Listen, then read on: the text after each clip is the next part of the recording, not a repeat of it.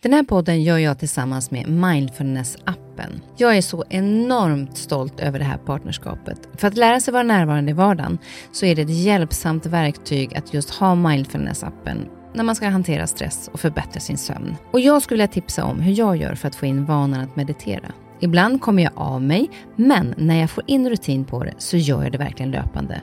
Och det jag gör då, det är att jag mediterar samma tid och på samma plats varje dag. Börja hellre med någon minut varje dag istället för en längre stund och kom in i rutinen och öka sen därefter längden på meditationen.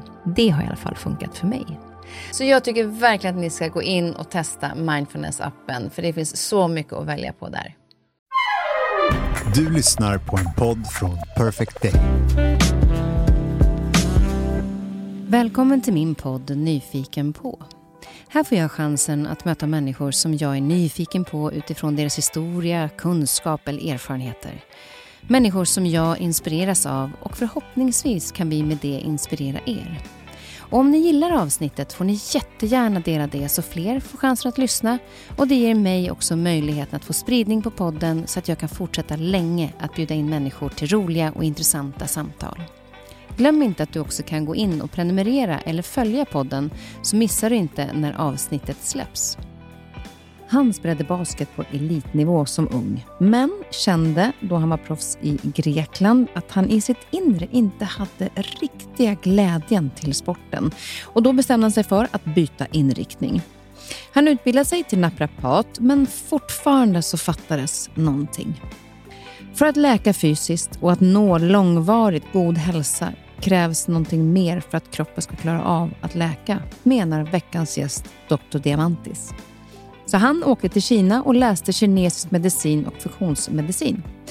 Jag undrar vad det är som gör att vår mentala och fysiska hälsa inte alltid läker enbart med västerländsk medicin. Vad är det vi behöver för att få långvarig läkning och hållbar läkning?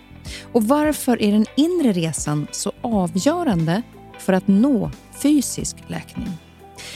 Vi kommer att prata, jag och Dr. Diamantis, om det lilla barnet inom oss. Hur situationen när vi som barn inte fått vara vårt sanna jag och visa våra känslor eller uttryck blockerar flöden i kroppen som i sin tur gör det svårt för kroppen att läka oss både mentalt och fysiskt. Dr. Diamantis jobbar med kinesisk medicin, naprapati, funktionell medicin och livsstilsförändringar. Och nu så har han dessutom kommit ut med boken Nyckeln till din hälsa självläkning med kinesisk medicin. Och jag har läst boken, tycker att den är fantastisk därför att den ger en så många verktyg så att man själv kan börja jobba med sin inre resa för att nå en fysisk läkning. Det här ska bli så spännande.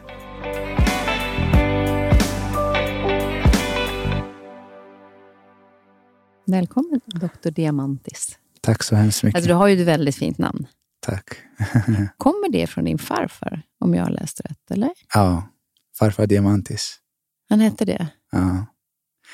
Och jag ska berätta en liten story. att eh, Min syster är, hon är äldre än mig.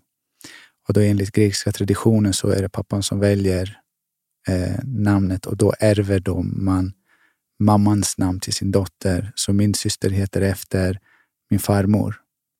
Och så när jag kom nummer två, då sa mamma, nu är det min tur att välja.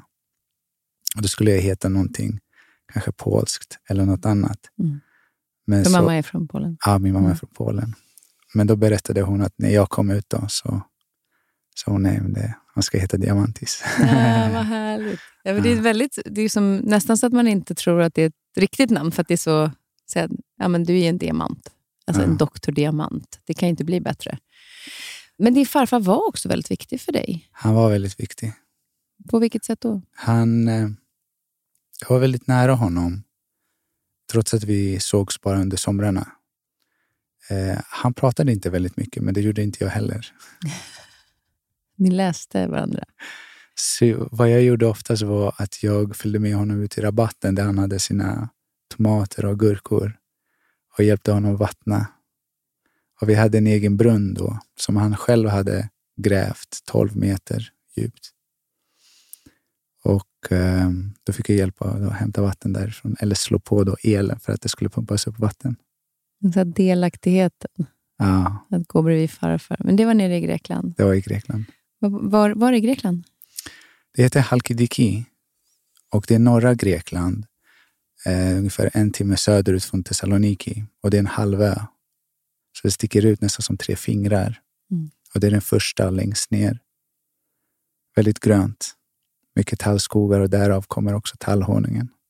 Ja, den honungen som du har är helt magisk. Vi har ju varit hos dig och vi ska komma och prata lite grann om det. Ja, Just för att dels så kände jag att jag ville också. Jag har hört väldigt mycket om dig. Det är många som har rekommenderat dig och eh, jag tycker ju att det är spännande när man även tittar liksom mera på vad är det som är grunden till mm. att man har ont eller feber eller att det inte alltid är det fysiskt utifrån utan att det, det kommer inifrån och det är det vi kommer att prata en hel del om. Mm. Men du började ju livet, eh, vuxenlivet kan man säga, eller från när du var barn, som basketspelare. Ja, stämmer. Det var väldigt mycket basket. Mm, Det var bara basket. För pappa eh, jobbade med det, eller var ju involverad i basket. Precis. Mm. Så um, det blev väldigt naturligt att vi alla tre, jag och mina två syskon, spelade basket. Så han, var, han startade då klubben Akropol. Och eh, det är där jag började. Sen gick jag över till ett samarbete med ett lag som heter Harem Hagerem Akropol. Då spelade jag med killar som var två år äldre än mig.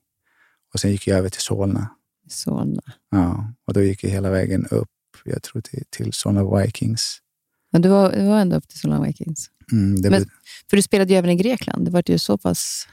Ja, jag var i Grekland en sväng första halvan av eh, första ring. Då fick jag faktiskt ett proffskontrakt där på åtta år. Det gick lite för fort. Hur gammal var du då? Jag var bara 16. Oj. Ja. Och trots att det var en ungdomsdröm så var det lite för fort. Jag var, var inte redo att att komma från min familj. Så den, den tiden var tuff faktiskt. Var det inte där också som... För jag tänker, vi kommer ju prata om det här lite längre fram, det här med vad som är ens barns sanna känsla och vad det är man tar in ifrån familjen. Ja, Eh, och Det är ju lätt att mm, föräldrarna tycker att man, man, föräldrarna väljer ju en, en sport som är nära dem för att det är också väldigt enkelt och det är roligt och de vill Ja. dela med sig av det. Var det din dröm på riktigt? Då? Det- för det kan ju vara lite olika där. precis. Sen kom jag tillbaka. Tack och lov gick laget i konkurs. Så Tack var, och lov. Ja, Då fick du åka hem. då fick jag komma hit. Ja. Och då gick jag klart gymnasiet här och så flög jag ner direkt till samma storklubb. Och jag upptäckte då att jag inte levde just min dröm. Mm. Och det för att eh, jag kunde inte verifiera den känslan med den förväntade känslan jag trodde jag skulle ha. Att nu är jag i en av Europas största lag. Det fanns ingen lycka hos mig. Och jag såg även hos mina lagkompisar att det var någonting som inte riktigt stämde rätt till. Vad var det som gjorde då att du bestämde dig ändå, för när man har satsat så mycket, så många år för någonting, att inte fortsätta vidare? För det kan jag tänka mig också är ganska lätt att göra när man vet att det här är jag bra på. Ja, Jag exakt. kör ett tag till. Ja. Jag har en inkomst, jag har kontrakt, jag, eh, det är det här jag har gjort hela tiden. Men att våga bryta det. Jag tror att jag alltid har haft en känsla inom mig att jag, jag måste vara helt transparent med mig själv. Känner jag inte för det så, så kan jag, det har varit väldigt svårt att tvinga mig göra saker till att jag, saker som jag inte vill. Och det var väl den sanningen som var så tydlig. För jag kan ju, jag kan ju lura hela världen till att det är vad jag vill, men jag kan inte lura mig själv. Nej, jag tycker inte att man kan det, men ibland så tycker jag ändå att det kan vara ganska svårt att så känna in vad är det jag vill och framför allt kanske när man har en karriär. Jag brukar stanna upp ibland, för ibland kan jag säga, men gud, är det det här jag vill göra? Ja. Alltså, jag måste ju någonstans, och då får jag stanna upp och ibland kan det vara att jag bara är trött. Så jag Ja. tycker inte att det är roligt just nu, men när jag tänker efter så tycker jag att det är roligt. Exakt. Så att ibland kan det faktiskt vara svårt att känna vad det är jag vill. Mm. Oftast brukar det vara så här, för vi kan göra saker utifrån fyra olika anledningar. Och en är rädsla, den andra är plikt, skuld eller kärlek. Och när jag spelade basket då, det fanns också en rädsla att vem är jag om jag inte identifierar mig själv som basketspelaren? För då på något sätt, så som väldigt många idrottsmän, inklusive mig och många andra av mina vänner, hamnade i en identitetskris. Du gjorde det när du la av. Ja, precis. Mm. Sen kom jag in på naprapatutbildningen och då var det nästan som att jag, jag kände hur egot tog tag i den etiketten, den identiteten som naprapatstudent. Om jag åtminstone så kan jag nu säga att jag är naprapatstudent. Ja, du hittade ett annat, en annan benämning för vad du gör. Inte bara för vad jag är, vad jag gör, men också vem jag är. Ah, okay. Ja. Så det är den här identifieringen som skapar väldigt mycket besvär i långa loppet hos oss. Ja, för man, det har vi pratat om tidigare också, det här, att det finns en sak som är en prestation och sen så är det också för den man är som människa. Och ibland går det hand i hand och ibland kan man faktiskt jobba med någonting som är liksom sin prestation. Ja. Men jag tycker också att man kan känna att man är någonting... Och det kanske det skiljer på det bara för att det är privat, men det betyder inte att det är samma. Nej. Förstår du vad jag menar? Jag brukar säga att är man inne i det psykologiska blivandet, vilket betyder att jag gör det här för att jag tror att jag kommer bli den personen jag, jag tror jag behöver vara för att vara tillräcklig. Mm. Och det är då drivet av min tro att jag inte är tillräcklig.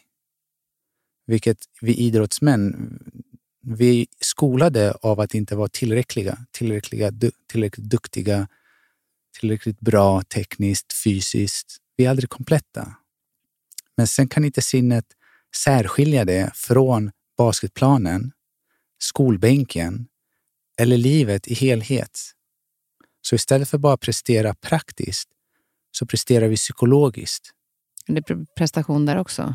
Precis, så vi presterar och vi försöker vara tillräckliga och, och vill ha bekräftelse från vår arbetsgivare, från vår tränare, från våra föräldrar. För att sinnet kan inte se skillnaden. Det blir ju ett sökande av bekräftelse väldigt mycket då. Exakt. Och där kanske vikten av att så, lära sig också bekräfta sig själv ibland kan vara ganska viktigt, tänker jag. Mm. Att jag kan känna att det här blev bra, om man nu pratar om bekräftelse för prestation. Att jag säger, shit, det här funkar ju. Fan vad kul. Att jag inte då förväntar mig att någon annan ska säga det, för jag vet ju inte om någon har sett det. Ja. Eh, men att jag redan själv kan bekräfta, att stilla den behovet av bekräftelse. Sen är det bonus tycker jag, om, såklart om man får det från andra. Ja. Men vikten av bekräftelse är ju... Alltså det är viktigt att få bekräftelse, men också kunna bekräfta sig själv. Eller vad säger du? Du har också den här frågan, vem, vem ska bekräfta mig själv? Om jag ska bekräfta mig själv, är jag jaget som ska bekräfta eller är jag mig själv som behöver bekräftelsen? När vi gör det genom hjärtat så är det nästan, jag kan inte rå för att göra det jag gör. Och det är jag i ett sinnestillstånd av kärlek, av att vara fullständigt här och nu. Det betyder inte att vi inte har utmaningar, vi har definitivt utmaningar. Men de kommer inte ses som ett problem som tynger mig på samma sätt. För att jag söker inte, det finns ingen destination i framtiden där jag försöker komma fram till i tron om att det är det, den känslan när jag kommer fram då, då kommer jag vara lycklig. Men lyckan kommer genom att jag gör det jag nästan är gjord för att göra. Så det är det, för du, vi pratade om det när jag var hos dig, jag och mig själv. Precis. Och jag hade väldigt svårt att liksom, men definiera det när, när du ställde frågan, är det jag eller mig själv? Ja. Ja, det är väl samma sak, tänkte jag. alltså, så här, innan, man, innan du började liksom ställa fler frågor så Ja. blev det ju lättare att komma till bukt med. Om du skulle förklara skillnaden mellan jag, om bekräftelsen kommer från jag eller mig själv. Jättebra fråga. Så jaget vi refererar till när jag säger jag och jag börjar beskriva mig själv, det är mitt förflutna. Det är vad jag identifierar mig själv med. De specifika tron om mig själv och tankarna. Mig själv är framtiden. Det är vem jag tror jag behöver bli. Och då förlorar vi då här och nu, Mm. vilket egentligen det är allt som finns. Ja, exakt. Men det enda som kan pendla mellan det förflutna och framtiden på det sättet psykologiskt, det är vårt ego. Och det är den misstolkningen om vem vi är, att vi inte är tillräckliga, och tron, baserat på misstolkningen, att vi behöver bli någonting i framtiden för att bli kompletta, för att fylla det emotionella svarta hålet. Vilket egentligen är den negativa känslan av psykologisk smärta och lidande. Att det är det som kommer göra att vi kommer få bukt med av den här, det här psykologiska lidandet som vi går runt och bär på. Vilket är någonting som mänskligheten har krigat med eller jobbat med under årtusenden. Det är vad Buddhas fyra ädla sanningar betyder. Nummer ett, att, att leva betyder lidande. Men att lidande har att göra med identifieringen med våra tankar, med vårt sinne. Men genom en inre esoterisk resa, att verkligen se att vi inte är våra tankar eller känslor, men att vi har dem eftersom vi refererar till dem som mina känslor eller mina tankar, vilket betyder att allt som är min och mitt kan inte jag vara eftersom det tillhör mig. Det där är så. Man får, jag sitter ju väldigt koncentrerad och lyssnar, för det är ju lite svårt att greppa när du inte har varit inne i det tankesättet Ja, tidigare. Men extremt intressant blir det när du gör det så, där med att dåtid och framåt. Men Ja. vad är nu? precis. Och vi kommer betydelsen av att hitta det och också hitta det som är i vårt förflutna för att också läka det fysiska. För det var ju det som hände också när du blev naprapat. Att du kände att det räckte liksom inte riktigt. Precis. För där, där kunde du läka, alltså, hantera de fysiska åkommorna. Ja. Vad var det som gjorde, såg du att det var flera skador som kom tillbaka eller att de inte läkte ordentligt? Eller vad var det som gjorde att du började titta på den kinesiska medicinen? Jag hade själv varit då, um, patient hos doktor Nie, en eh, fantastisk kvinna, läkare i kinesisk medicin som håller till fortfarande ute i Stora Essinge. Jag var bara 14 när jag led av olika typer av eh, allergier. Och då hade jag varit hos henne, eller först var jag ho- hos läkaren, gjorde alla tester, hittade ingenting. Jag fick då olika typer av eh, antihistamina eller typ eh, kortisontabletter när det var väldigt allvarligt. Men min mamma, mamma är ju från Polen och där är man väldigt nära naturmedicin. Så hon hade hört talas om doktor Nie från någon väninna. Då tog hon mig dit och då fick jag två behandlingskurer, tio behandlingar totalt och då blev jag av med mina allergier. Och jag blev så nyfiken på och där planterades ett frö. Och inte nog med behandlingen, men också hela filosofin bakom den medicinska modellen som kallas då kinesisk medicin blev ett väldigt stort mysterium helt enkelt. Jag berätta om den filosofin.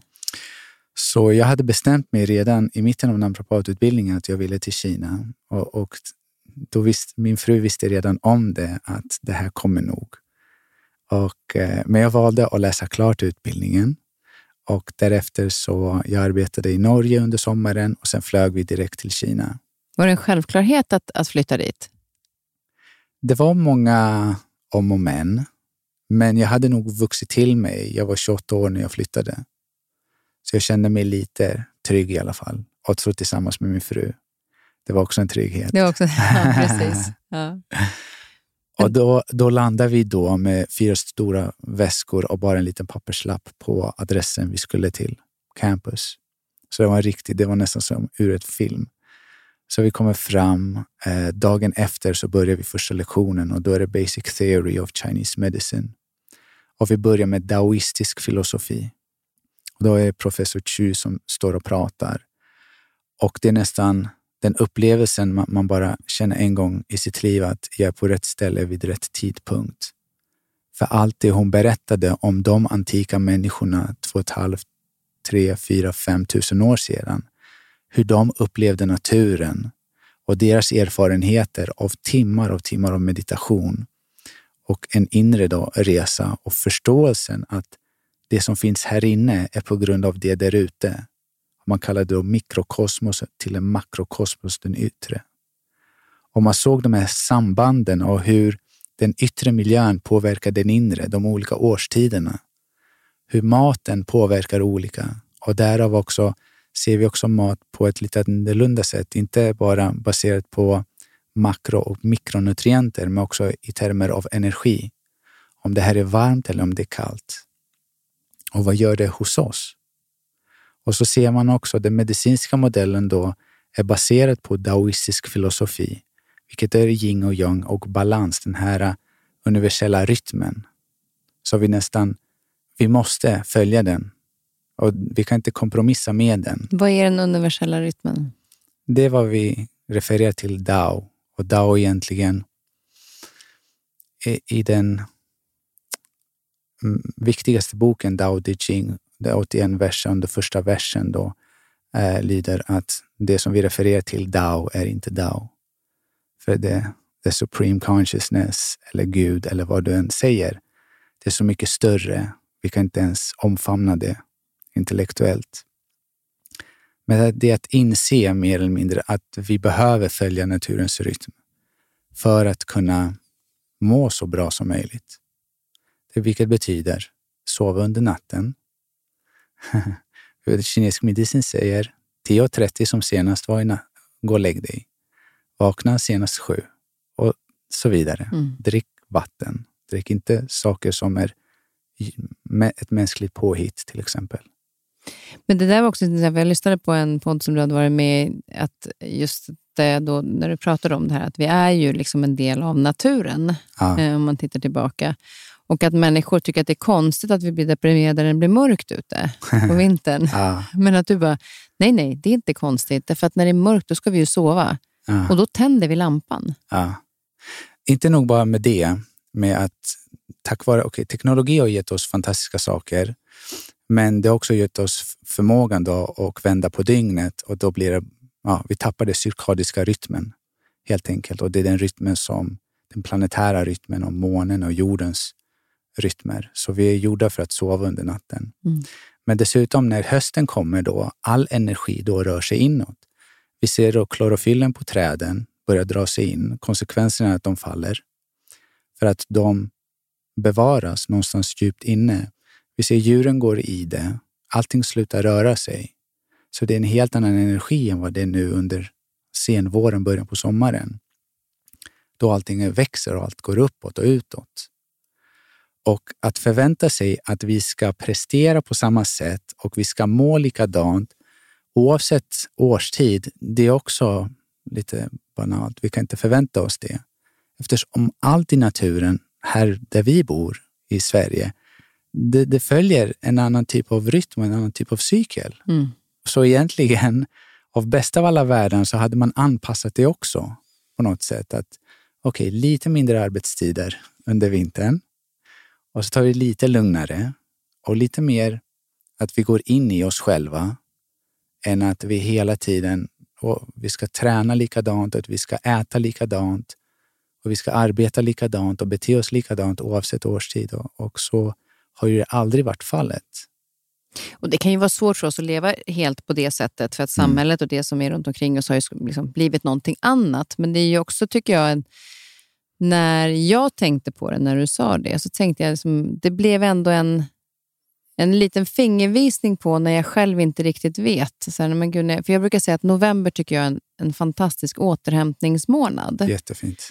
Och Det var inte för att jag då följde naturen, utan det var för att jag tycker alla, inklusive jag själv, klagar på att det är så sjukt tråkigt i november. Det bara mm. regnar och det finns ingenting att göra.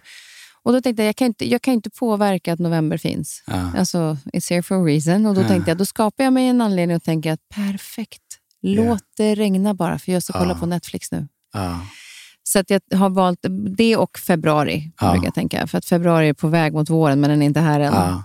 Och istället göra någonting av de månaderna. Och Då var det så härligt när du sa just det, att, ja. att när vi går in i den tiden så ska vi också gå in och ta ett lugnare tempo. Exakt. Och det behöver vi ju, för återhämtningen är ju inte den vi kanske störst... Om man, nu ska jag inte säga att alla inte gör det, men inte, återhämtningen blir, är, det, är det brist på, kan man säga hos många. Verkligen. Verkligen. Men när du då kom då till, till Kina och började plugga, så vad är då den kinesiska medicinen specifikt? Om man tänker, vad är typiska för den?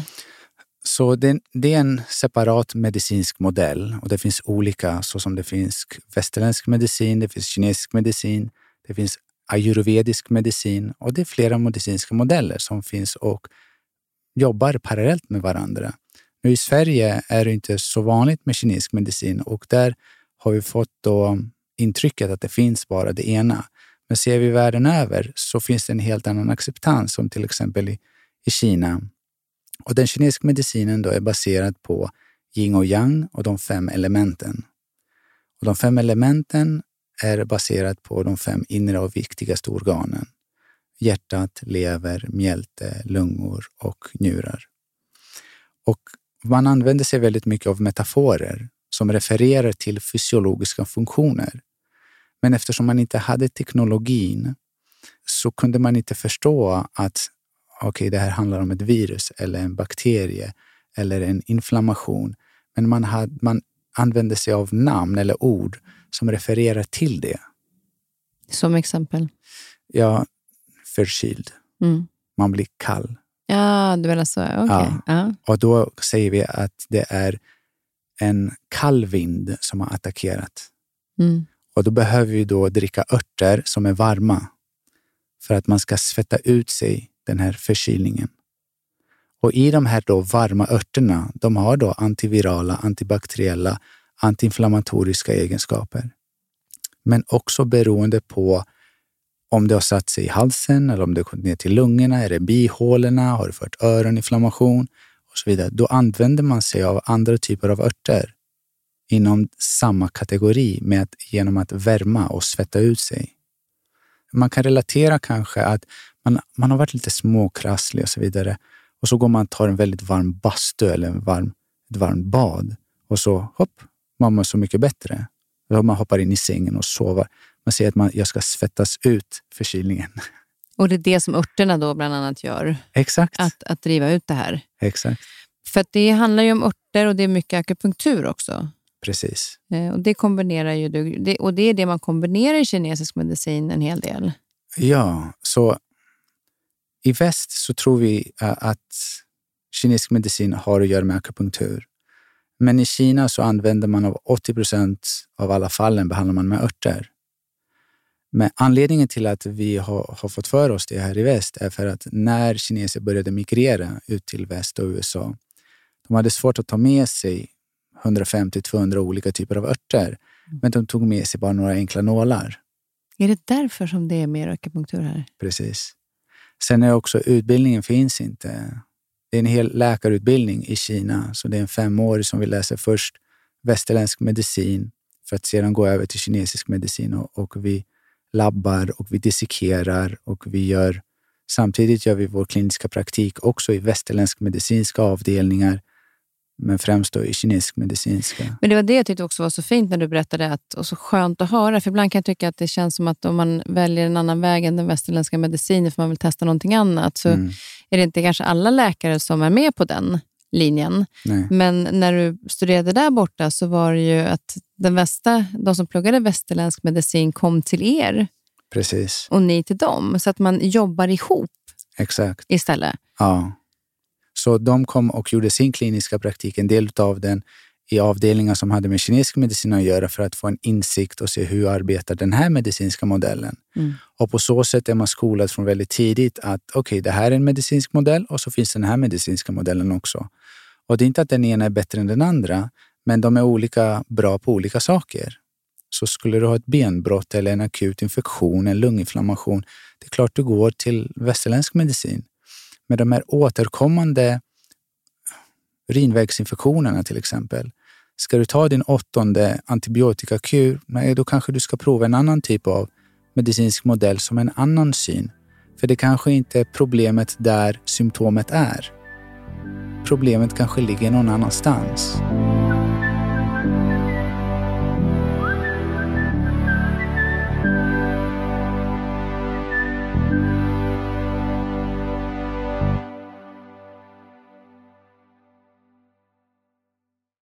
Och hur hittar man det då inom... För jag var ju till dig eh, då för ett tag sedan, för någon vecka sedan bara. Ja. Och eh, där vi började prata, för jag tänkte att vi ska gå in på lite olika eh, sätt att jobba med kroppen för att förstå Alltså typ vilka, hur kan du se på vilka örter jag behöver och vad är ja. mitt problem? Ja. Då pratade vi lite grann om det här med jag och i mig själv och sådär. Men Precis. vi kom också fram till att du tittade då, dels så tog du ju pulsen yeah. och du tittar på tungan. Yeah. Alltså jag tycker man känner ju pulsen och sen är pulsen som den är. Ja. Jag fattar att det inte riktigt är så. Ja. Hur, hur, hur tänker man kring pulsen? Hur kan du känna? Så det började med, nu går vi tillbaka tusen år mm. i tiden och de kinesiska läkarna då såg då att patienter som hade någon akut infektion och en patient som kanske var gravid och någon annan med mag-tarmbesvär hade olika typer av puls. Så man börjar då med tiden samla all den här typen av insikter och kunskap och se olika typer av mönster. Okej, okay, är du stressad? Högst troligt har du en sån typ av puls. Och vi kallar den för strängliknande. Så de, det finns 29 olika typer av puls inom kinesisk medicin. Och Det kan vara så att pulsen är väldigt ytlig, att man kan känna den väldigt enkelt. Eller den kan vara väldigt djup, där vi behöver trycka väldigt hårt för att känna Men av den. hur kommer det sig att pulsen lägger sig på olika plan då? Att den blir ytlig eller trycker längre ner? Det beror på dels säsongen faktiskt. Mm. Vintern så går den lite djupare och under sommaren så kommer den lite högre. För att energierna också generellt sett, att yang-energi som är värme, det betyder lite högre upp. Och yin, kylan, det går ju, tenderar att gå lite längre ner, den faller neråt. Utöver det så följer den vad som pågår i kroppen. Så man har förstått sig på att okay, den här pulsen indikerar det här. Så om jag är väldigt stressad och jag är väldigt spänd så kommer pulsen vara spänd. Så det finns ett samband i det. Och det är den här kroniska stressen som jag ser också i kinesisk, eh, här i samhället i Sverige. Det är väldigt många som lider av den här kroniska, destruktiva psykologiska stressen. Det psykologiska blivandet, vad hela min bok egentligen handlar om. Den inre resan och reflektionen. Och den här typen av stressen refererar vi till som en stagnation. För att stress är en inre konflikt hos oss där vårt sinne stagnerar i det förflutna. Att jag presterar nu på grund av att jag tror att jag är otillräcklig. För att jag misstolkat något som hände förut. Den här stagnationen då ser vi också att den stagnerar fysiskt i kroppen och vi refererar till att det är levern som är stagnerad. När då levern är stagnerad, då menar vi då inte främst den fysiska levern, men den energiska levern. Och det är återigen en metafor till olika saker. Det kan då i sin tur göra olika saker. Det kan orsaka att någon får IBS-symptom.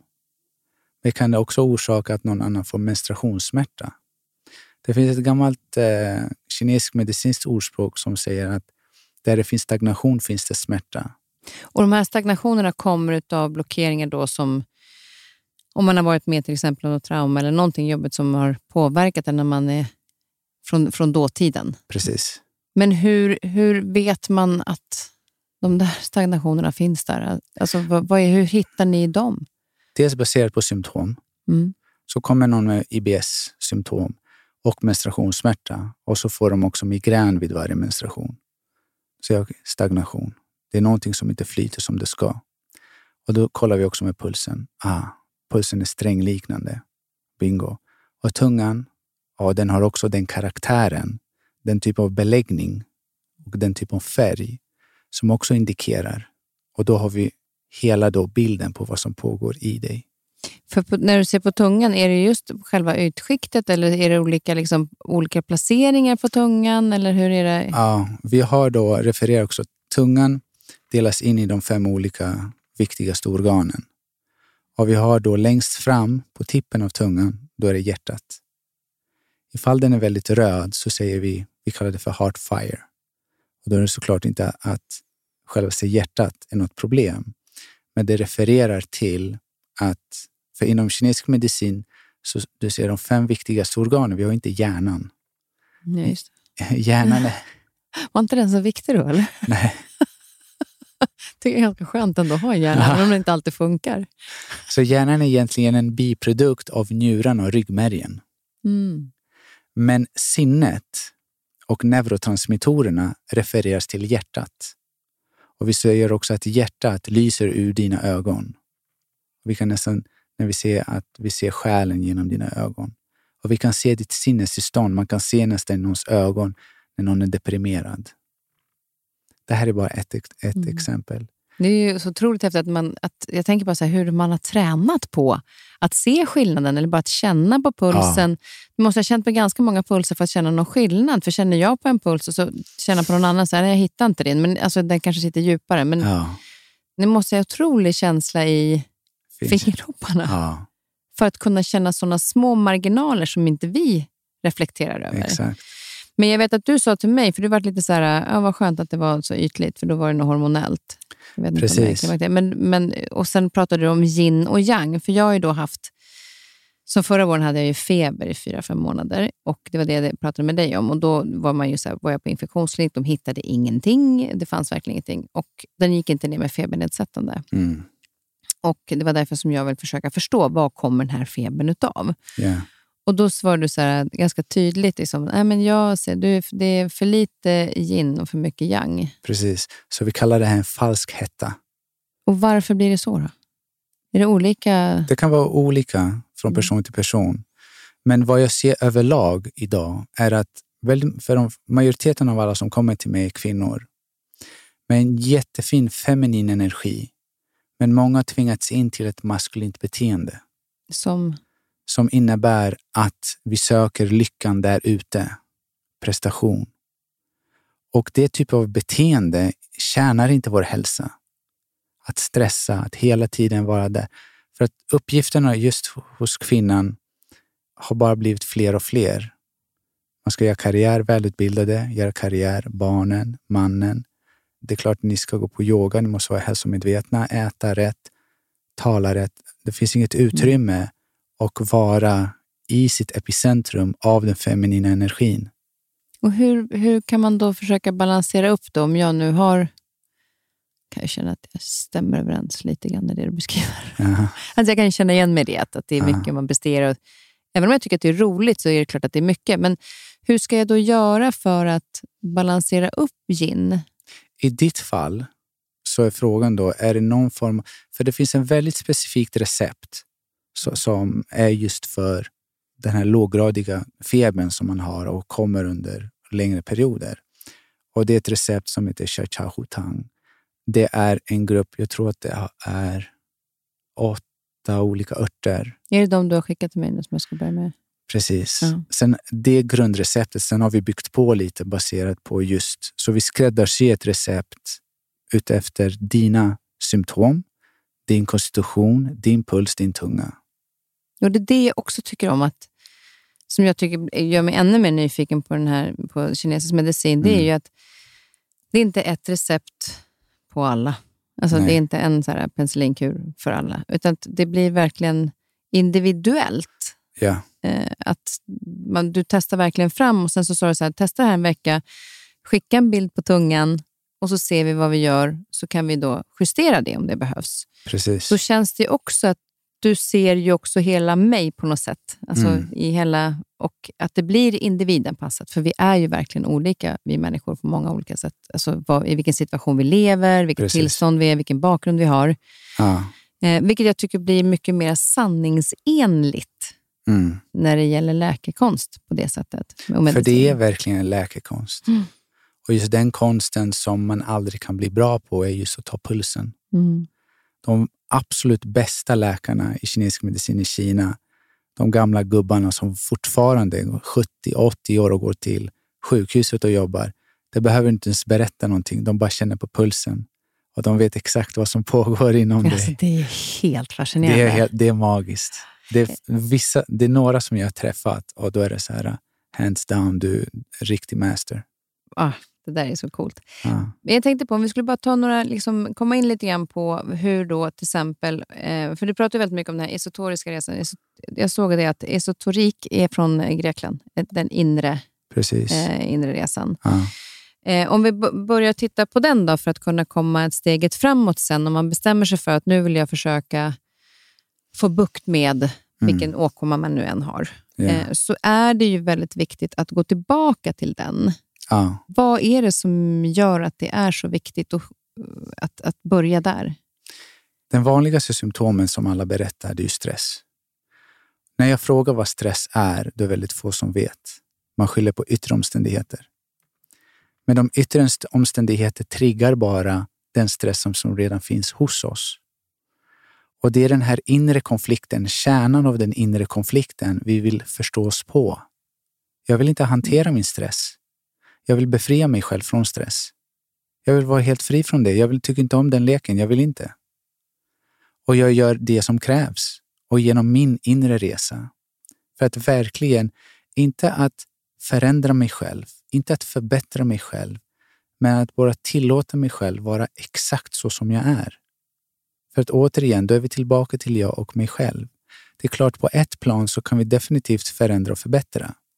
Men vi pratar om kärnan av vår essens, vårt väsen. Det är där att vi inte blandar ihop vem jag är med vad jag gör, till exempel. Mm. Vem som bär kostymen med kostymen i sig.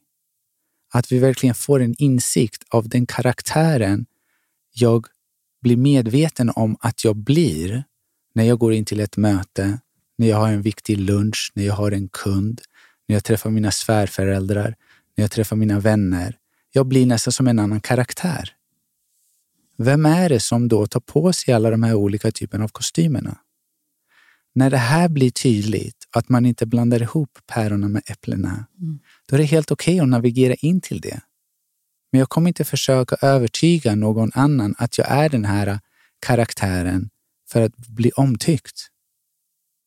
För att det blir väldigt enkelt att när jag sedan ska försöka hitta någon annan, låt oss säga en partner, då är det samma mentalitet. Jag försöker hitta någon. Och då presenterar jag mig själv som den karaktären jag tror han eller hon vill att jag ska vara. Och den andra personen gör likadant. Och då är det två stycken som möts som inte är de, den de är. Ja. Alltså för man gör någonting som man tror att den andra... Exakt. Och där vet man ju inte vad den ens tänker. Och hur länge kan man då upprätthålla den här fasaden av karaktären? Och sen tar det lite tid och då hamnar man tillbaka till vem man egentligen är och sina inre konflikter och sin frustration och irritation och man börjar projicera det och där kommer din sanna karaktär fram. Nej, det kommer egentligen din smärta fram. Just det, för det är ju inte egentligen den, alltså man pratar om det autentiska jaget egentligen, för det har ju påverkats av saker som har hänt när man har varit yngre. Precis. Exempel. Om man då tar exempel på det, för jag tänkte på det finns i, eh, när man läser i boken så fastnar vi i det här med dålig självkänsla till exempel. Mm. Och det, jag brukar enkelt förklara det här med att självförtroende är det man gör och självkänsla den man är. Yeah. Men där var det, du har gjort en lista på olika situationer som kan göra att det uppstår dålig självkänsla. Mm. Och Det var betydligt fler mm. än vad jag kopplar till. Till exempel så stod det att man ropar på hjälp. Mm. Och Då tänker jag att och ingen, ingen kommer mm. och ingen hjälper dig. Mm. Då kan jag ju tänka att jag kanske jag blir inte sedd eller jag mm. blir inte hörd. Men det kan i mitt sinne omvandlas till det är ingen som vill se mig. Eller, jag är inte ens värd. Jag är inte ens värd att bli hörd. Alltså, ja. den, den tänkte inte jag på att det kunde vara en sån grej som till exempel som är med och skapar en dålig självkänsla genom att man inte blir hörd. Precis. Utan det var mer att vad fasiken, det var ingen som hörde mig, men inte varför. Ja. Att jag inte har skapat den sanningen. Ja. Om man nu har råkat ut för en sån grej mm. och det är en del av det som har orsakat att jag har taskig självkänsla. Mm. Hur kommer jag till botten med att hitta den punkten och lösa upp den? Mm. Det är också väldigt vanligt att vi söker då, för, först frågan hur och sen försöka hitta. Tyvärr är de två verktygen de är inte relevanta i en esoterisk resa. För det är inte en active action, vi söker inte någonting. Det är en, för att, speciellt hur, det är en väldigt maskulin energi. Den utåtgående, den söker. Medan vi försöker upptäcka. Det är en mer feminin energi. Den är mer till ro. Den är välkomnande, den är öppen. Och det är genom medvetenhet och insikter. Så det kommer komma till dig mer. Mm. När du, och vi börjar med att vara väldigt tydliga med allt vi inte är. Och därav den, den enkla övningen av att allt jag refererar till min och mitt är någonting som tillhör mig och det är inte jag. Och på så sätt tillåter vi oss då hamna i vårt epicentrum. När vi kommer då djupare och djupare och, och vi ser hela då händelseförloppet, hur någonting kan trigga oss, en kommentar. Och det triggar någonting i mig. Och då blir vi medvetna om det. Oh, Okej, okay. någonting sades som triggade det som befarar att det som sades är sant. Mm, just det. Mm. För jag kan inte bli triggad av någonting där jag inte redan befarar att det är sant. Så jag är ganska slim fit. En gång i tiden ville jag vara väldigt muskulös. Skulle jag vilja ha väldigt mycket muskler och identifiera mig själv och mitt värde baserat på mina muskler, hade du sagt till mig, åh vad smal du är, det hade triggat mig. Men när jag inte identifierar mig själv med det, det passerar mig. Så när jag blir triggad, då går jag in i det och jag frågar, den här känslan, det, faktiskt, det finns ett budskap i det. Så vad är budskapet? Vad har jag att lära mig av just den känslan jag precis fick? Jag har återigen en plats inom mig som inte är läkt. Vi bottnar, när man jag jobbar då, lager för lager och man observerar och man fortsätter. Är det med örter eller med akupunktur då? Det här är då en, Bara genom att prata? En, äh, nej, det är en egen esoterisk resa. Ah, okay. mm. ja. Och alltså väldigt tydligt i boken just det här, som, för det är ett verktyg. Det är inte underhållning. Det är verkligen, mm. vi gör vår egen inre resa för att befria oss själva från våra egna indoktrinerade tron, våra misstolkningar om oss själva. Det är vad psykologisk stress är. Att vi försöker fly från den känslan. För känslan kommer också sekundärt till tron. Men vad gör man då om den tanken dyker upp? Att du känner att det här triggar mig? Ja, jättefint. Observera. Så medvetenhet, nummer ett. Och sedan utmanar vi. Så jag upplever att jag inte är tillräcklig. Jag är inte bra nog. Vad är argumenten till att det stämmer? Att jag som människa är inte tillräcklig så länge jag inte får alla mina uppgifter för den här veckan gjorda på den här redovisningsbyrån eller advokatbyrån eller oavsett vad, vad jag än jobbar. Så att vi börjar prestera praktiskt och inte psykologiskt. Och vi utmanar då, vad är argumenten till just den känslan som är sekundär till tron? Och med medvetenhet, vi bara tittar. Och vi försöker komma på olika typer av svar som skulle då argumentera att det här stämmer. Mm. Är inte jag värd som människa bara för att jag råkade göra fel? Jag hade goda intentioner. Det, jag ville bara mm. väl. Det bara blev snett.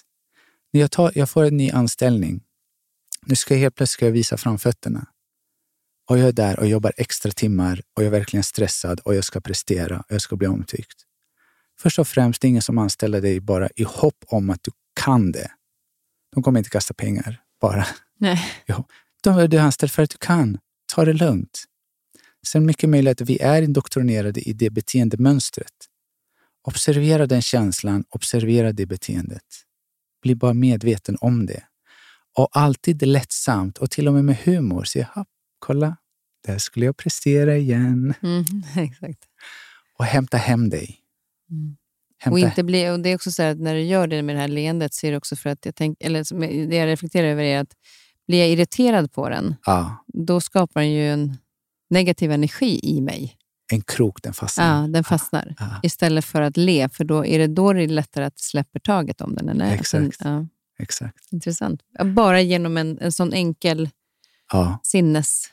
Sinneskänsla i det. Precis. För vad vi gör nu är medvetenheten, vi kalibrerar vårt sinne. Vi har sett verkligheten genom ett filter mm. och just nu börjar bli mer medvetna. Och det är vad hinduismen pratar om i den hinduiska läran och yogan är att vi har djup sömn. Så går vi in i drömfasen. Och när vi vaknar, vi vaknar egentligen in till den här drömmen, illusionen vi tror vi är. Så genom medvetenhet kan vi då vakna, verkligen vakna och verkligen inse. Och det handlar om insikter. Vi ska inte hitta någonting. Vi ska bara genom insikter verkligen få en djup förståelse, inte bara intellektuellt men existentiellt. Att det verkligen genomsyrar vårt väsen. Att det är så det är. Att jag är kärleken i sig. Att lycka kommer inifrån. Att den inte är baserad på min prestation. Den kan det aldrig. Att framgång och att vara framgångsrik, vad innebär det? Vad är min sanning? Så när vi stannar upp och hör plötsligt då vad hjärtat har att viska, det är då vi börjar komma till en form av frekvens där nervsystemet går över från fight or flight till här och nu. Då kan saker och ting börja fungera så som det ska i kroppen. Och då kommer man också till det fysiska läkandet på många sätt som Exakt. har varit. För det är ju då en konsekvens av de här blockeringarna och eh, obalansen som är i kroppen. Ja. och vikten av att, att nå dit för att verkligen få den, alltså läkandet hela vägen. Precis. Vilket som du pratar verkligen mycket om. Precis. Men det finns också olika situationer, för det där, är ju en, det där kan ju vara en händelse. Mm. Man kan ha ganska många sådana. Mm. Hur många ska man börja träna på på en gång? För jag tänker att ibland kan det vara så att på en dag så kan det vara olika saker som triggar eh, olika händelser som jag har varit med om. Genom alla händelserna stanna som observatören, betraktaren.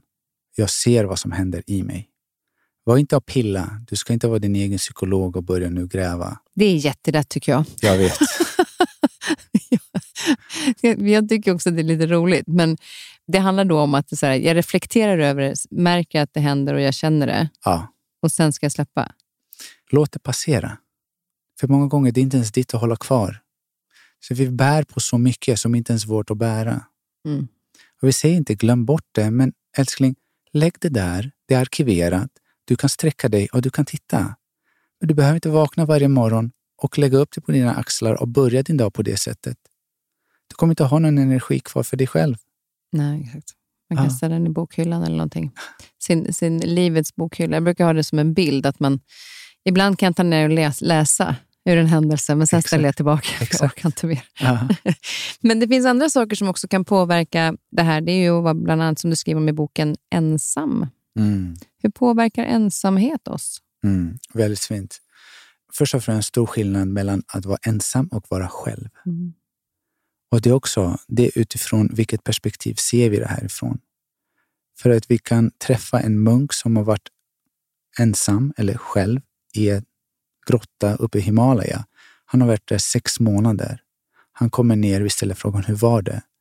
Och han berättar en, en fantastisk samhörighet med allt levande. Å andra sidan har jag en patient som har jättestor släkt och de har middagar väldigt ofta och de känner sig så ensamma. Så vad är det här för något? Och den här ensamheten har ofta att göra med att vi inte tillåts vara oss själva bland andra. Det är nästan för smärtsamt.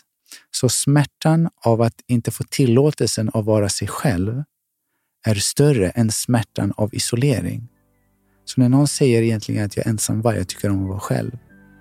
Det är mer att göra, det är för smärtsamt att vara i närvaron med andra.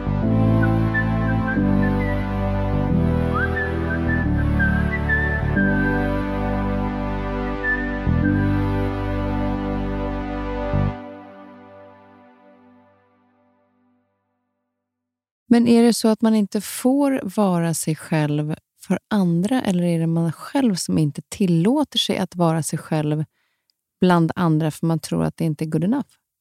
Båda två. Det börjar oftast med att andra har förväntningar av dig själv och ju fler gånger vi får höra det, ja men det är klart mamma och pappa säger det, eller det är min tolkning av deras beteende och därav, ja men då så, då är det så. Men det kan ju också, kan det då vara att man har varit på barnkalas när man var liten och de säger var lite rolig nu och, och var in och lek med barnen. Och sen kan det komma tillbaka nu när jag är, är 50 och så vill jag inte gå in i det här gänget. Mm. Utan jag vill inte vara roliga tjejen i mitten utan jag sitter gärna vid sidan av. Ja, Men då är det min gamla sanning från när jag är barn som kommer tillbaka nu. Ja, ja, Är det så? väldigt ofta eftersom det är någonting då man inte har gått in en plats hos en som man inte har läkt, man har inte identifierat. Men det är bara känslan man kommer ihåg, men inte händelsen till känslan. Men om man kommer på den så kan man, kan man då gå in och, och mer omfamna den. Att du var ju jättehärlig som ett buset barn, men du är ju 52 och nu har inte lust att vara det längre och det är okej. Definitivt. Och även visa kärlek, att det var inte ditt val att bete dig på det sättet. Så mer självkärlek också. Men det kan ju vara ett val. Alltså om jag var en busig tjej som älskade att stå på bordet och synas, för jag tyckte det var roligt, och nästan så att de andra tyckte att kan du andas någon gång så någon annan får prata. Så kanske det var väldigt mycket jag, men då fick jag ju höra att jag var för mycket. I och för Ja. sig. Mm, där kom det. Ja. Ja, Att kan du vara tyst ibland så någon annan får prata. det kan ju påverka då, till exempel mig idag. Att jag inte ska ta plats, för jag tog Mm. så mycket plats när jag var liten. Det kan också ha hela dynamiken i, i familjen. Mm. Med syskonen, med föräldrarna och så vidare. Att det finns någonting som gnager dig hela tiden. att det ena kanske tar mer plats än den andra. Men det är ju så intressant. Istället, kan, man, kan man då egentligen så här, försöka då reflektera över varför känner jag mig obekväm i den här situationen? Precis. Vad grundar det sig i? Ja. Och vad har de för förväntningar på mig? De kanske inte ens har några förväntningar på mig. De kanske bara är glada att jag är där. Mm. Mycket möjligt det kan vara så. Bättre kommunikation. Mm. Att man ska ha mer och mer transparent. För att ju mer, du vet, det krävs bara att vi gräver lite under ytan och vi ser hur pass vi kollektivt lider. Vi lider. Även om vi lägger på eh, ett leende och allting är bra och så vidare. Vi, kommer, vi går hem, vi släcker. Vi lider. Så mycket lidande vi bär på kollektivt. Och det är en av anledningarna till också att vi fysiskt inte mår bra. Med många andra då, miljöfaktorer också. Du ser, när jag var liten, jag hade inte ens hört ordet IBS. Men idag, du kastar en kotte in i stan och träffar någon med IBS. Mm. Det är nästan var och varannan. När började då de här laktosfria produkterna komma fram? Och hade man då, var man laktosintolerant innan och man visste inte om det? Nervsystemet var ju helt annorlunda. Nu är det hela tiden fart. Du vaknar, det första du gör sträcker ut handen och ska kolla meddelandena. Det är ju den där uh, connection mellan, som, du, som vi nu har gått från det här att, att den esoteriska resan till nervsystemet. För det är Ja. det, så fort det blir på något sätt fysiskt så kan man mera prata och förstå, för aj, det gör ont där. Ja, Medan det där inre är lite svårare att ibland identifiera om man inte har börjat med det. Det viktigaste att veta det är att kroppen kan inte läka när vi är i fight or flight. Mm. Omöjligt. Vi kan inte. Det spelar ingen roll. Vi kan trycka in hur mycket läkemedel, hur mycket vitaminer, mineraler, hur mycket nålar. Vi kan inte läka.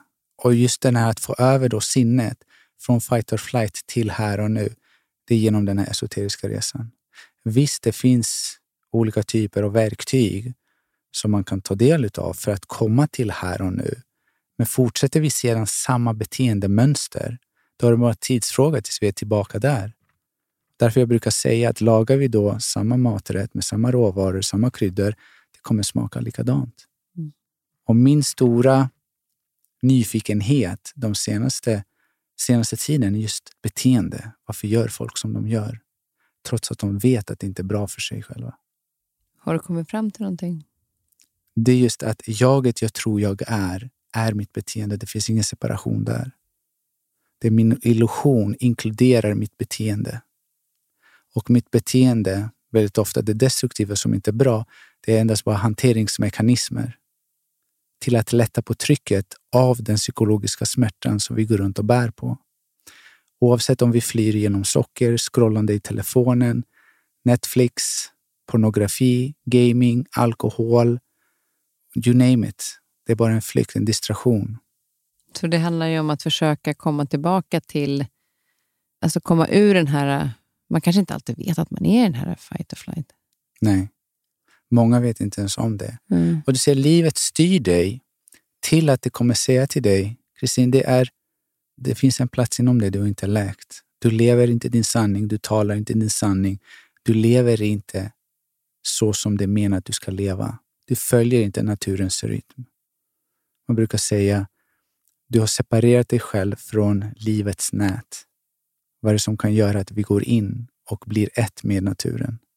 Att vi lever ute eh, och följer de här rytmerna. Vilket inte innebär att vi ska ut till eh, en liten stuga och bo isolerade. Men det har att göra med ett sinnestillstånd hos oss. För den här munken då, om vi hämtar honom in till Stureplan, där alla går förbi stressade, han är i lugn och ro. Det finns ingen stress hos honom. Nej, det, är så, det är så fint när man ser, man kan, och det är ganska lätt att urskilja faktiskt människor som, tycker jag i alla fall, som jag möter, Ja. vilka som kanske inte är på den nivån som munken är, men som ändå finner lugn inombords. Mm. Jag tycker att det, att det känns ganska tydligt. Ja. Sen kan det också vissa vara stressade och, och ta bort det, men, men hur det ger ett lugn till mig. Ja. Om jag kommer stressad och på stan och så möter jag någon, men så när jag kommer in här och du är två meter lång och bara hur lugn som helst. Det smittar ju. ja. På samma sätt du går in i en urskog. din vibration kommer då anpassa sig efter skogens lugna vibration. Skogen och naturen är läkande. För att vi har ingen chans emot just den vibrationen som finns i naturen. Men här så finns det inte så mycket, det är för det mesta betong. Mm. Då har vi ingen hjälp utifrån heller. Medan nu ser jag inte bara alla som bor ute i landet, de är inte stressade. Men vi har inte den möjligheten.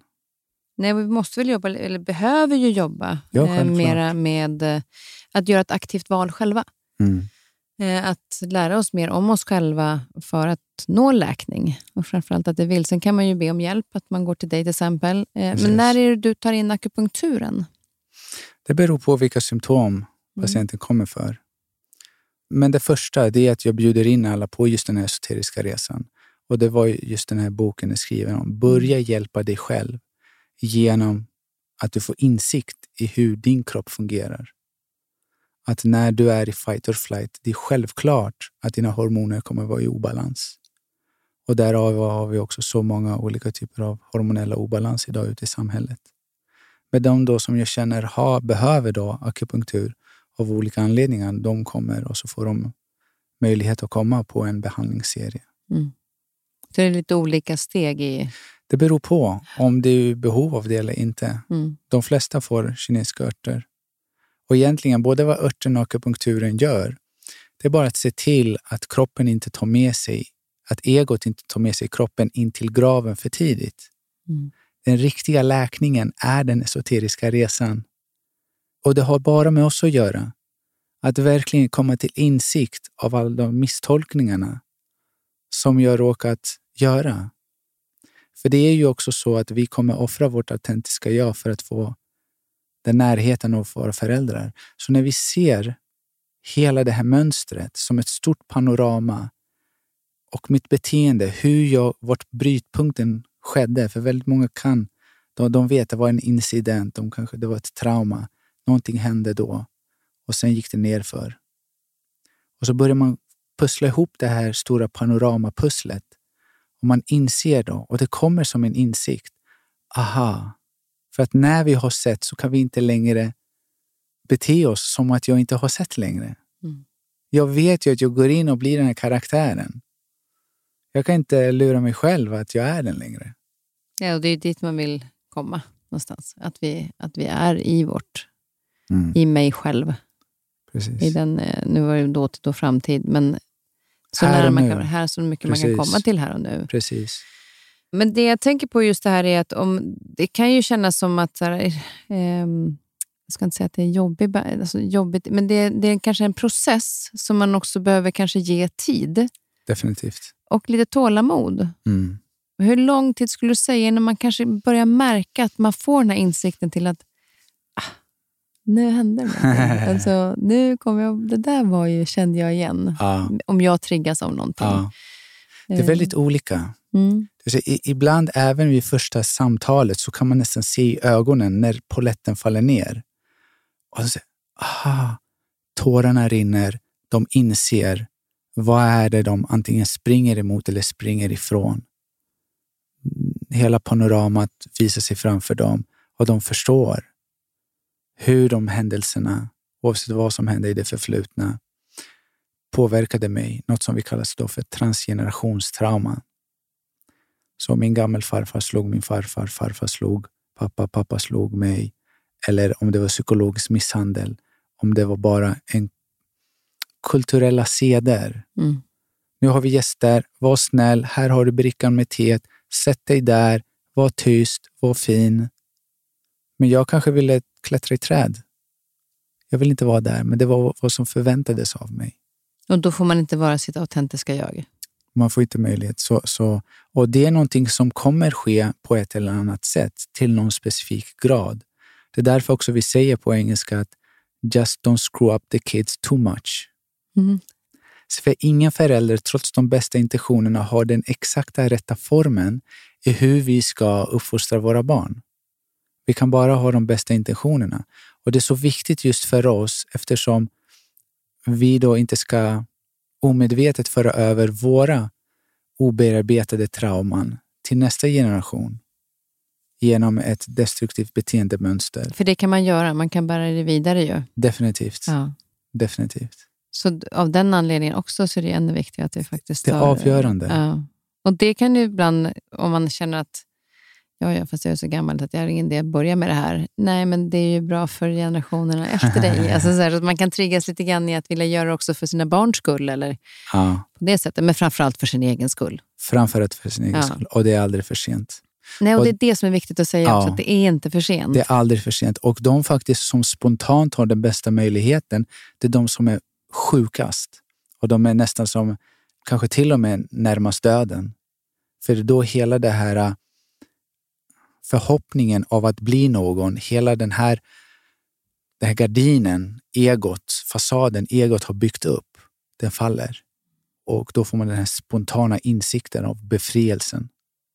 Och blir det inte lite så också så här att, vet jag när man har träffat människor som har haft riktigt tufft och varit riktigt sjuka, Ja. eh, där inte vetat åt vilket håll ska gå, att ingenting är viktigt längre mer Exakt. än att ens kropp ska få läka.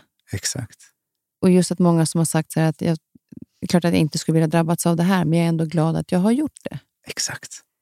Och det är så många gånger. Och även i mitt fall, jag berättar ju i boken just med min resa, hälsoresa med min kroniska borrelia, att jag var sängliggande ett halvår. Att det är verkligen en blessing.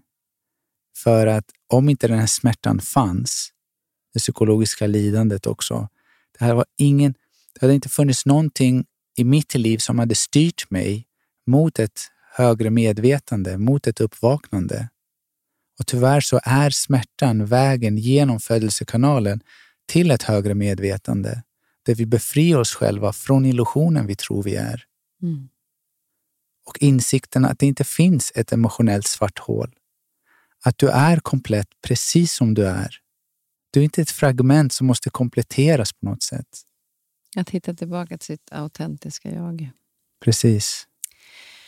Genom den här äh, boken och genom att du har träffat så otroligt många patienter så har du också upptäckt att det är också väldigt mycket kvinnor, som du nämnde, Ja, som kommer till dig. Vilket har gjort att du också är på väg att skriva en ny bok. precis. Ja. Så det är eh, Hormonell harmoni. hormonell harmoni. Och Vad var det som gjorde att du kände att det här behöver jag djupdyka i lite mer? För att ge den, ge den gåvan till de andra så att de kan förstå vad det handlar om. Precis. Återigen, inte en bok för eh, underhållning, ett verktyg. Att, att, att verkligen komma till inre insikter. Och definitivt, det, det är främst tre delar. Dels är det hur jag ser från kinesisk medicinsk synpunkt hur de olika hormonella obalanserna sker. Fysiologiskt sett, hur det går hand i hand med ett nervsystem som hela tiden är i fight or flight. Att vi kan inte förvänta oss en hormonell harmoni. Att hormonerna ska vara i balans när vi hela tiden är stressade.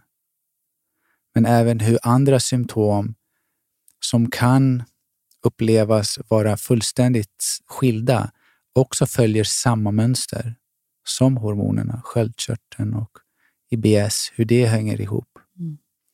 Väldigt mycket praktiskt vad du kan göra.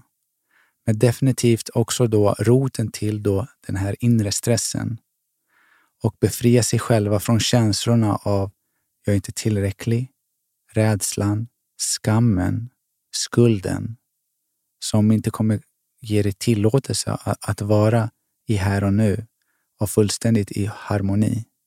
Så det här försöker jag då sammanfläta med olika typer av verktyg, övningar, tips om kost.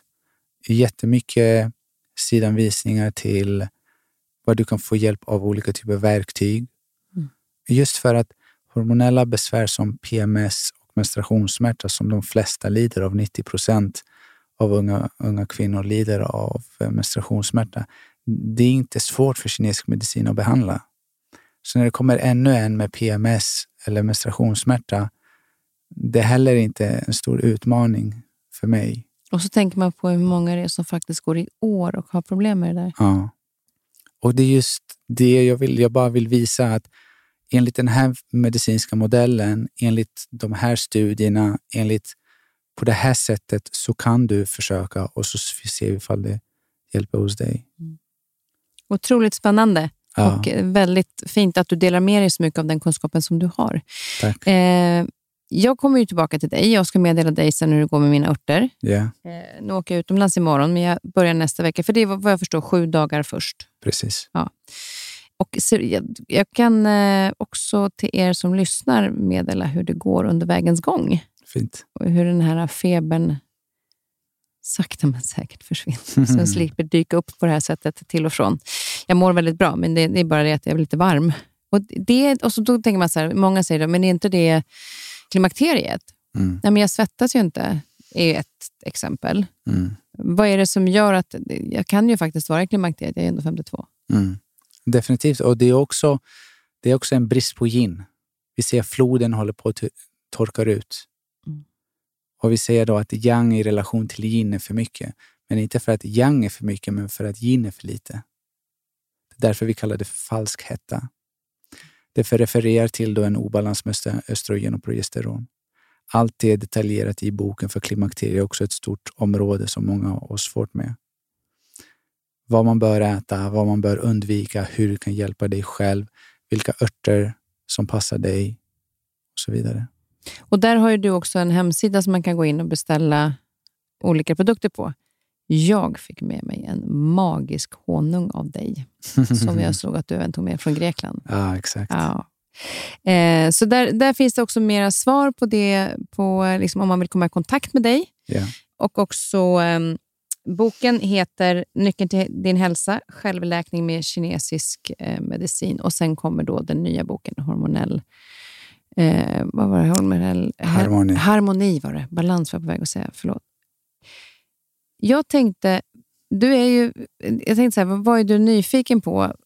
Finns det någonting utöver människokroppen och sinnet som du, som du tycker är spännande eller intressant? Eller? Mm. Jag är väldigt nyfiken om just eh, de djupare aspekterna av livet överlag. Och, och inte att uppleva dem och förstå dem intellektuellt, men mer existentiellt. Genom att gå djupare in i till exempel love and compassion meditation. Mm. Att verkligen tillåta den energin, den vibrationen expandera ytterligare. För man kan känna den kärleken mot en specifik person, mot familjen, mot samhället, mot hela världen. Och då är just den här frågan som jag har haft så... Är det möjligt? Är det möjligt att raffinera sig själv till den punkt att man verkligen känner sig ett med allt? Den frågan funderar du på. det, Och nu tänker jag på när du, när du berättar eh, i den aspekten är det existentiella. Men jag tänker också på, för jag läste om den här fridykningen du gjorde. För jag har nämligen varit inne på att jag vill lära mig fridykning. oh, Framförallt dels för andningens skull Mm. eh, och att kontrollera det och kroppen. Och du hade ju en sjukt cool upplevelse. Ja, det var en magisk. Så det var en barndomsdröm jag hade. Att lära mig fridyka, för jag har snorklat hela somrarna i Grekland. Och då um, under eh, vinterlov i Kina så flög vi ner till Thailand. Och då uppfyllde jag min dröm i ön Koh Tao. Anmälde mig till grundkursen i fridykning. Hoppade på avancerade kursen. När vi då skulle lära oss att hålla andan och vi övade i, i, i poolen så lyckades jag hålla fem minuter och 20 sekunder. Jag tror att det var tack vare min basketkarriär. Varför, varför det? Jag tänker, du andas ju inte där under. Vad är det? Men att just med lungorna, att du kan ha, syresätta kroppen. Precis. Mm. Och att jag sedan när vi då sista dagen skulle simma ner till 30 meter. Då är det Det är ju jätte, alltså jag tog ett dykstart nu. Jag var ju bara nere på 18 med tuber. ja, då är det lite längre ner. För vad vi gör, och vi har då våtdräkt och vi har lite vikter, men trots det så är vi positivt buoyant, att vi flyter nästan. Så i början så måste man antingen dra sig ner med, med en lina eller simma med fenor. Men ungefär halvvägs så blir man negativt buoyant. Och då är det så att man bara glider neråt. Och när man då har syresatt hela kroppen så pass mycket att man har ingen, ingen behov av att andas. Och just den biten, de sista 15 meterna, det var en sån magisk upplevelse för att Först och främst, det var nästan som det aldrig tog slut. Och att man såg då linan ta slut. Det fanns en önskan att inte ta tag i repet och ta sig upp, trots att jag visste konsekvenserna till det. Men det var verkligen när jag tittade ner och i det stora djupa blå. Det var något, någonting som kallade hem mig på något sätt. Det var en otrolig känsla. Otroligt häftigt. Och det var just att sinnet är ju helt stilla eftersom det är ingenting. Jag, tänk, jag tänker inte på vad jag gjorde igår eller vad jag ska göra imorgon. Man är så absorberad i just här och nu, i den stunden.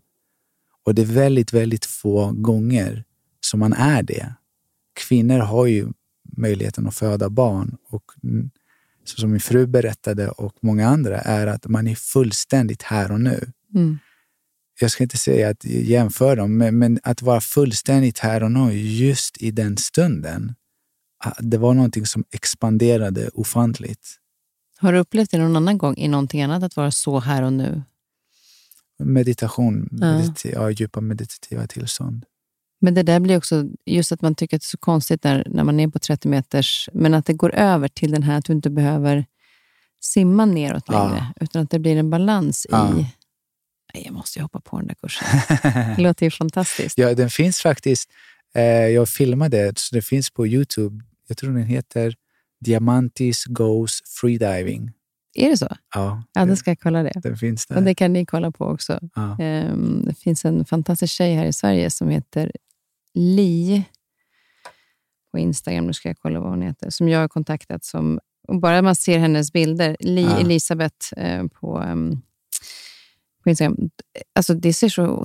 Bara genom en bild ja bara, jag vill vara där. Och när ja. vi var en gång nere på Maldiverna för ett halvår sedan, så låg vi uppe och snorklade vid ytan. Och så var det några fridykare som var nere och man bara, jag vill vara där nere med dem.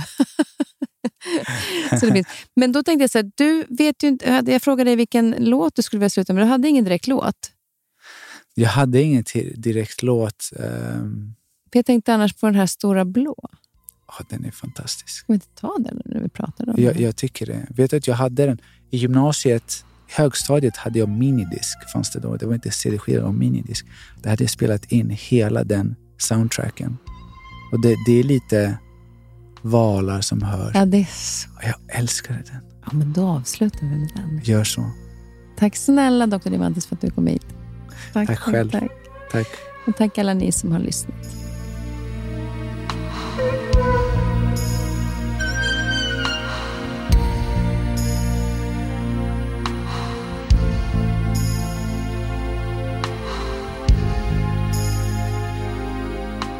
Nästa vecka är det dags för mitt hundrade avsnitt, vilket känns så stort och fantastiskt roligt.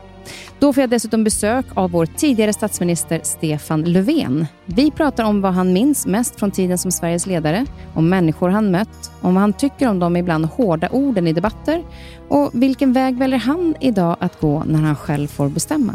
Missa inte nästa veckas avsnitt.